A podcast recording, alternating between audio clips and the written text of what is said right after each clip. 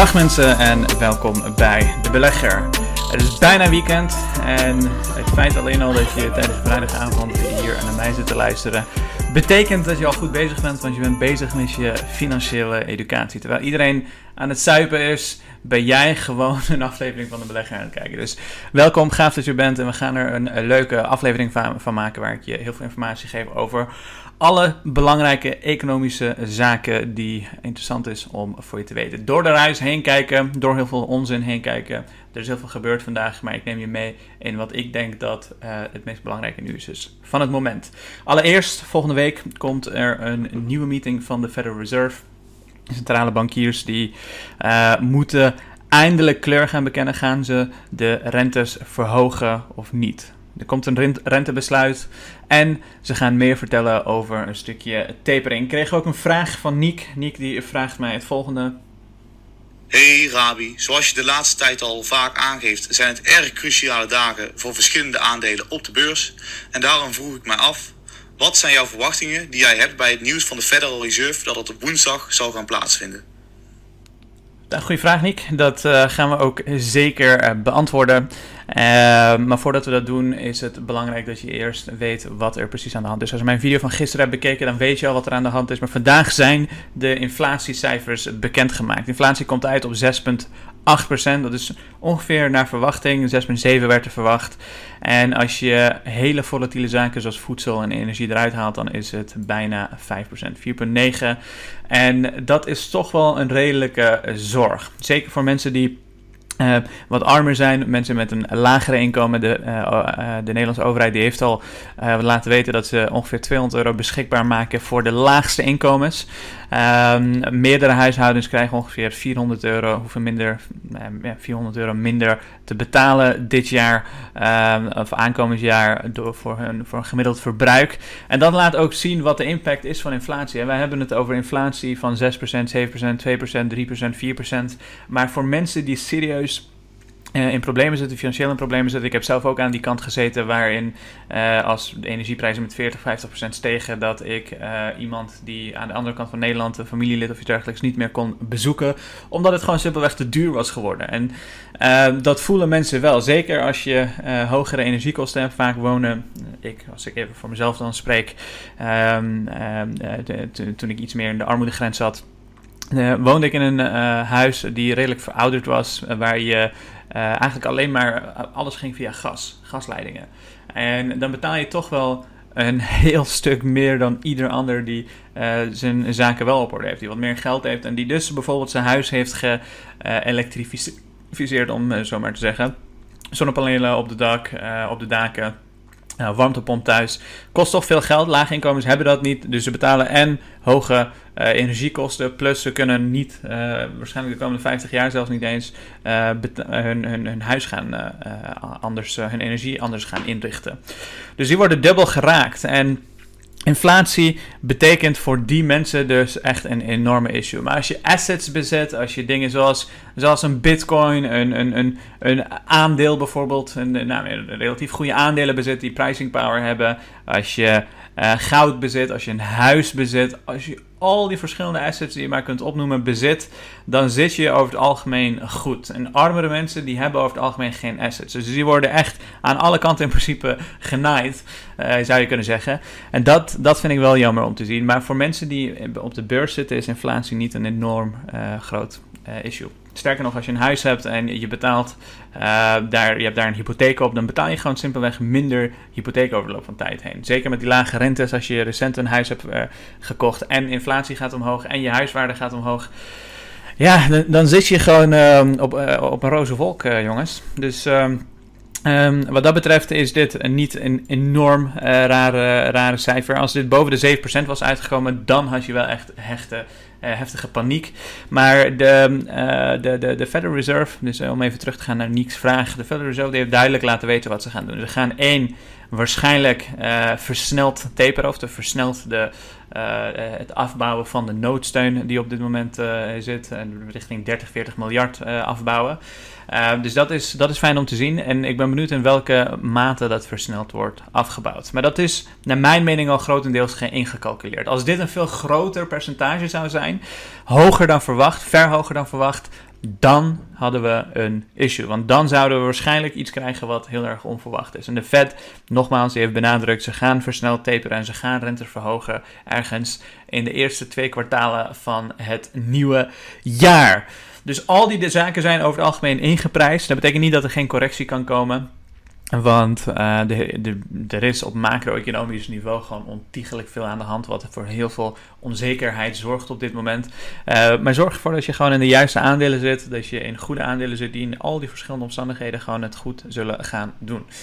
Ik maak me persoonlijk geen grote zorgen. Um, dat behandeld hebben, laten we het even hebben over ASML, jongens. The Dutch firm that investors are going wild over is now creating a machine that could redefine electronics. Dus vandaag gepost door CNBC. Dus de Amerikanen die worden wild heet van ASML uh, langzaamaan. Uh, ASML gaat eigenlijk viral in, in de VS. Um, the Dutch firm, one of the hottest stocks, is working on a new version of its extreme ultraviolet lithography machine, which is used to carve patterns into pieces of silicon that form the most advanced chips in the world. ASML die stond al bekend voor het maken van machines die hele efficiënte chips gingen maken. En nu, met deze extreme ultraviolet, uh, ultraviolet lithografiemachine, kunnen ze ervoor zorgen dat die chips nog efficiënter en nog beter gaan worden. The new version of the chips, of the new version, could allow chipmakers to build even more sophisticated chips to power the next generation of electronic devices. In July, Intel CEO Pat Gelsinger said that company expects to be the first recipient of ASML's new machine, dubbed High-NA. Ik moet zeggen, ik weet niet wat die High-NA betekent, eh, maar het zal wel goed zijn. um, Even kijken wat zou dat kunnen betekenen? In July uh, dubbed high NA. Mm, geen idee. Anyways, het zorgt er in ieder geval voor dat ASML in de picture komt en dat ASML ook laat zien wat voor krachtige machines, uh, machines ze hebben. Headquartered in Veldhoven, a small village near the Dutch city of Eindhoven, ASML is one the only firm in the world capable of making these highly complex EUV machines, but it's not stopping there. ASML jongens, ASML die maakt meters die zorgt ervoor dat Nederland op de kaart komt te zijn van de grootste bedrijven in Nederland en een van de grootste bedrijven in Europa. Uh, en toch een stukje Nederlands trots. Uh, ik vind het wel best wel heftig gewaardeerd. Uh, de groeipercentage van 10% die ze tot en met 2030 hebben aangegeven, vind ik eigenlijk wel ja, wel heel fijn om, om, om dat gecommitteerd te krijgen eigenlijk vanuit management. Maar ik beleg er zelf persoonlijk niet in. Maar ik dacht dat dit wel heel interessant te geven is. Een heel interessant uh, nieuwsartikel is om even met jullie te delen.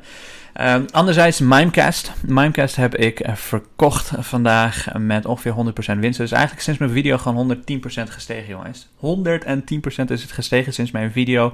Ongeveer een half jaar, nou, bijna 9 maanden geleden. Heel veel mensen in de community hebben hier ontzettend veel winst mee geboekt. Een paar dagen geleden heb ik ook een video gemaakt waarin ik heb uitgelegd waarom ik het eh, ga verkopen. Namelijk dat ze zijn overgenomen door een private equity partij. En dus van de beurs worden gehaald voor 80 dollar per stuk. Maar vandaag heb ik ze gekocht om het geld vrij te maken en te her te besteden in andere cybersecurity bedrijven. Cybersecurity is voor mij nog steeds uh, een van de beste uh, sectoren om de komende decennia in te beleggen. Uh, ik ga daar ongeveer 100.000 euro in totaal in beleggen. Inmiddels zitten we, nee, we zaten aan de 70k nu Mimecast verkocht is, is dat natuurlijk uh, naar de 50k gegaan. Dus ongeveer 20, uh, 20k had ik in Mimecast uh, zitten. Maar het geld gaat wel rechtstreeks in cybersecurity.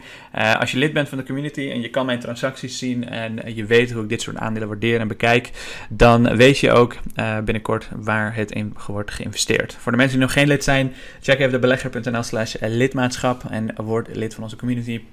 Uh, je leert, ik, ik, leer eigenlijk alles wat ik zelf weet over beleggen, hoe je groeiaandelen waardeert, al dat soort zaken. En interessante content waar je wat aan hebt, portfolio updates, uh, al mijn transacties, al dat soort dingen kun je zien. Hele gave dingen als je het uh, nog niet kent.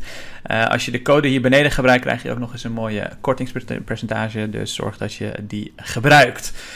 Um, ander nieuws, laatste nieuws eigenlijk, is hedge funds ensnared in expensive DOG probe into short selling. Dat betekent dat hedgefondsen die short selling doen, dat zij uh, waarschijnlijk op regulering en straf kunnen, ver, uh, ja, kunnen rekenen.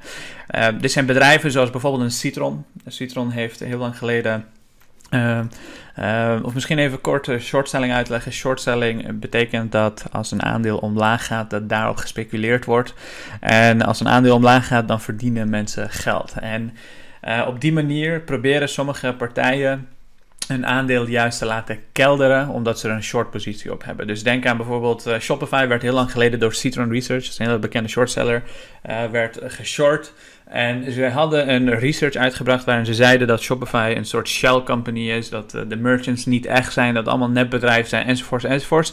Bleek uiteindelijk allemaal natuurlijk niet te kloppen, maar Shopify ging op die dag wel 40% omlaag en dat bedrijf heeft echt ontiegelijk veel geld verdiend. Uh, hetzelfde geldt voor GameStop, uh, die, die is met 130% geshort en, en, en, en, al die hedgefondsen die probeerden allerlei research uh, te publiceren waarop werd aangegeven dat, dat GameStop een dood bedrijf is in principe. Uh, en dat je er eigenlijk niet in zou moeten beleggen zodat de koers omlaag gaat. En heel veel retailbeleggers die zijn daar tegenop gekomen en die zeiden nee, wij pikken dit niet, dat is ons favoriete aandeel. Uh, jullie raken gewoon je geld kwijt als je hierop geshort hebt. Dus uh, daar wordt nu ingekeken en er wordt gekeken of deze shortsellers daadwerkelijk de juiste bedoelingen hebben. Want heel veel van die shortsellers die zeggen ook ja, maar wij houden de markt, in, uh, markt scherp.